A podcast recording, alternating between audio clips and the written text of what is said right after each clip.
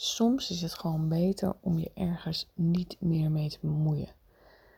Ik ben oké en jij bent een sukkel. Heel vaak zijn we toch bezig vanuit daar. En als het gaat om opvoeden, en ik deelde het denk ik al eerder in eh, de andere podcast over vakantie en pubers, merk ik bij mezelf dat ik daar toch af en toe nog in zit. En ik denk dat als jij luistert en je bent ouder, of geen ouder, maar je zit in een relatie en we hebben allemaal relaties met mensen, dan zitten we toch vaak daarin. In de ik ben oké en jij bent een sukkel. Ik weet beter dan jij wat goed voor jou is.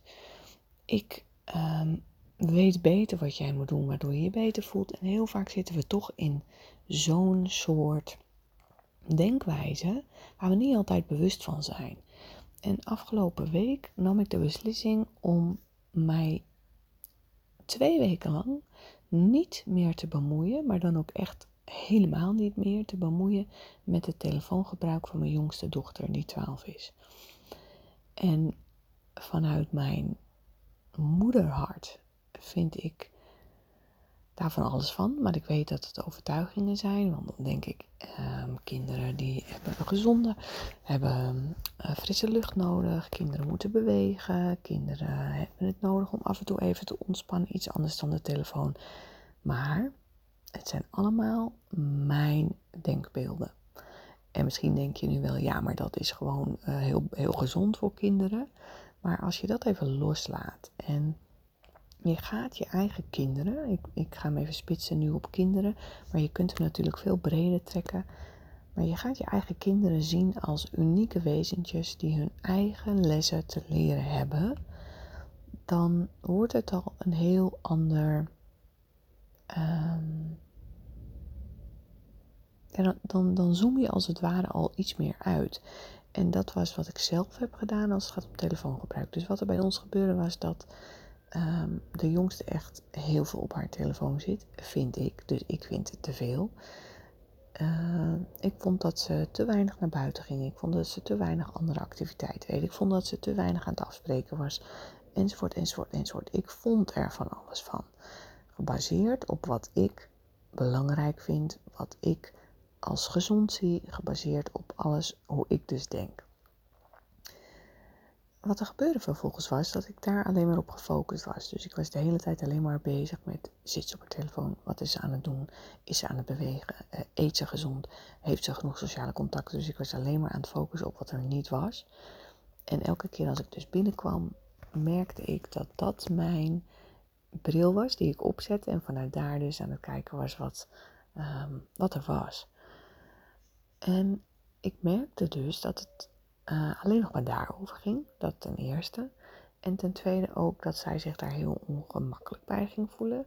Maar ook boos werd. Boos ging reageren. Geïrriteerd raakte. Waardoor ik weer geïrriteerd werd. Waardoor ik weer aan mezelf ging twijfelen. Ben ik dan geen goede moeder? Enzovoort enzovoort. Je kent vast die vicieuze cirkel waar je dan in kunt belanden.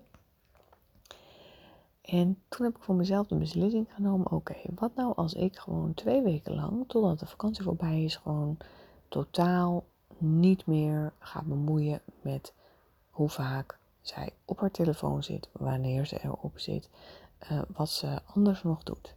En geloof mij, dat vond ik echt heel moeilijk. Dus we hebben wel een paar basisregels. Gewoon niet tijdens het eten. En als je gaat slapen, gaat hij naar beneden. Maar verder, de rest van de dag, laat ik het volledig los.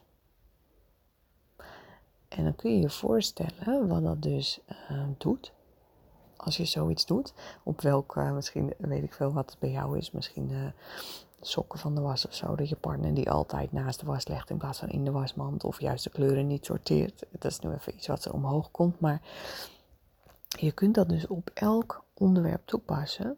Maar het vraagt dus van jou dat je de ander helemaal in zijn of haar waarde laat dat je er geen oordelen over hebt. Of als je die oordelen opmerkt bij jezelf, dat je er helemaal niets van gaat zeggen.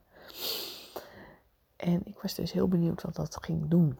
En um, ik heb daar een gesprek over gevoerd. Dus dat, dat bracht ook hele mooie inzichten. En het mooie vond ik dus dat de eerste dagen um, zat ze heel veel per telefoon. Toen heb ik gekeken, is het nou meer of is het nou minder? Weet ik niet precies.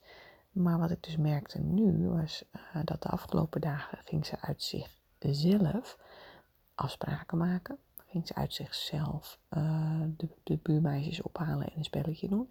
Zonder dat ik daar iets over had gezegd. En toen dacht ik, hé, hey, dit kan dus ook. En wat ik merkte is dat er tussen ons een hele spanning weg is, een hele lading weg is. En dat ik haar dus nu ook kan zien ehm, als wie zij is. En heel vaak, en daarom wilde ik dit met je delen, zien we mensen niet zoals ze zijn. Maar proberen we heel vaak mensen te vormen, en of het nou je kinderen zijn of je partner of werknemers. We willen mensen graag vormen naar wat wij prettig vinden, naar wat wij belangrijk vinden. Maar daarmee, en dat besefte ik ook heel goed, ben je eigenlijk de ander aan het, ja, aan het kneden, aan het eh, afkeuren. Dingen die zij op dat moment prettig vinden, vind jij niet goed. Dus er zit altijd een soort veroordeling in. Er zit altijd een soort ik doe het niet goed genoeg in als ik. En voor mezelf was het wel pijnlijk om in te zien dat ik dat dus als moeder zijnde eigenlijk ook meegaf aan mijn kind. Dus ik gaf haar constant het gevoel dat wat zij deed niet goed genoeg was. Want ik had er de hele tijd commentaar op. En we hebben nu eenmaal andere interesses. En we hebben nu eenmaal andere gewoontes. Ehm, en natuurlijk heb je regels, hè, dus in je huis. En um, betekent niet dat je gewoon dat iedereen heel dat het één grote bende mag worden, maar wel dat je heel erg naar jezelf kunt kijken van wat is van mij en wat is van die ander en waarin ben ik nu aan het proberen die ander te vormen naar wat ik belangrijk vind en in hoeverre is het echt een grens bij mij die niet of wel bereikt mag worden. Want daar ligt natuurlijk wel een belangrijk ehm, grijs gebied. Dus, uh, en waar je wel samen afspraken over kunt maken. Dus ik heb wel tegen haar gezegd, weet je, ik ga me er niet mee bemoeien, maar ik vind wel, uh, een van de regels is, hij gaat niet meer naar boven als jij gaat slapen. En als we eten, ligt de telefoon er niet. En daar is nu ook helemaal geen enkele discussie meer over, omdat de rest dus veel losser is geworden. Maar het is wel, het is een uitdaging, want het vraagt heel veel van jezelf. Op het moment dat je dus dingen letterlijk los moet laten, letterlijk uit handen geeft. Want het triggert ook bij mij weer allerlei overtuigingen van ik ben geen goede moeder, uh, ik zorg niet goed genoeg voor het welzijn van mijn kind. Maar ook dat zijn alleen maar weer denkbeelden. En toen ik ook die allemaal los ging laten, kon ik ons gewoon als twee individuen zien. Twee individuen die onze eigen lessen te leren hebben, die daarin knopjes bij elkaar indrukken, aanraken. Ehm, en hoe mooi als je daardoor juist zelf kunt groeien. Want omgekeerd geef ik haar nu dus de verantwoordelijkheid. En hebben we het daar ook over. Ehm, en, en is het niet meer omdat ik het zeg, maar is het meer omdat ze het zelf opmerkt. En ja, dus als jij een een situatie hebt waar je in dit geval mee worstelt, waar je dus merkt dat het daar vaak over gaat, dat er wrijving over is, dan kan het je heel erg helpen om gewoon uit te zoomen. Echt even terug naar jezelf te gaan en dan uh, te gaan kijken waar jij kunt loslaten. En ook heel duidelijk voor jezelf kunt aangeven waar zijn mijn grenzen. Dus wat accepteer ik wel en wat accepteer ik niet. En dat is ook vaak een hele eerlijke vraag naar jezelf. Omdat je soms tot de conclusie komt dat je sommige dingen gewoon echt niet kunt accepteren. Ook al zou je dat misschien met je mind wel willen.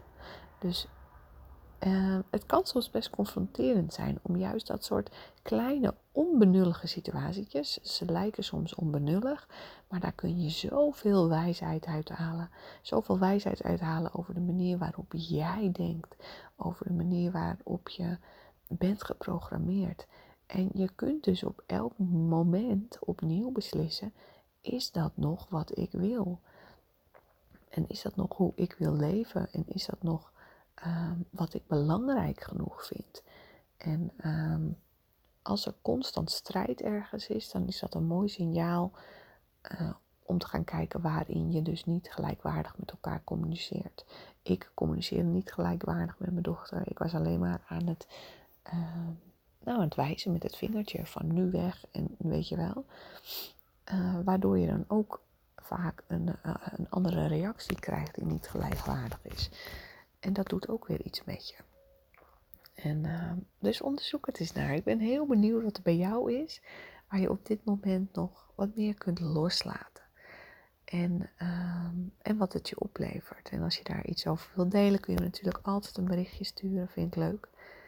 En ik wens je voor nu een hele mooie dag. En natuurlijk hou ik je op de hoogte hoe het is gegaan met het telefoongebruik.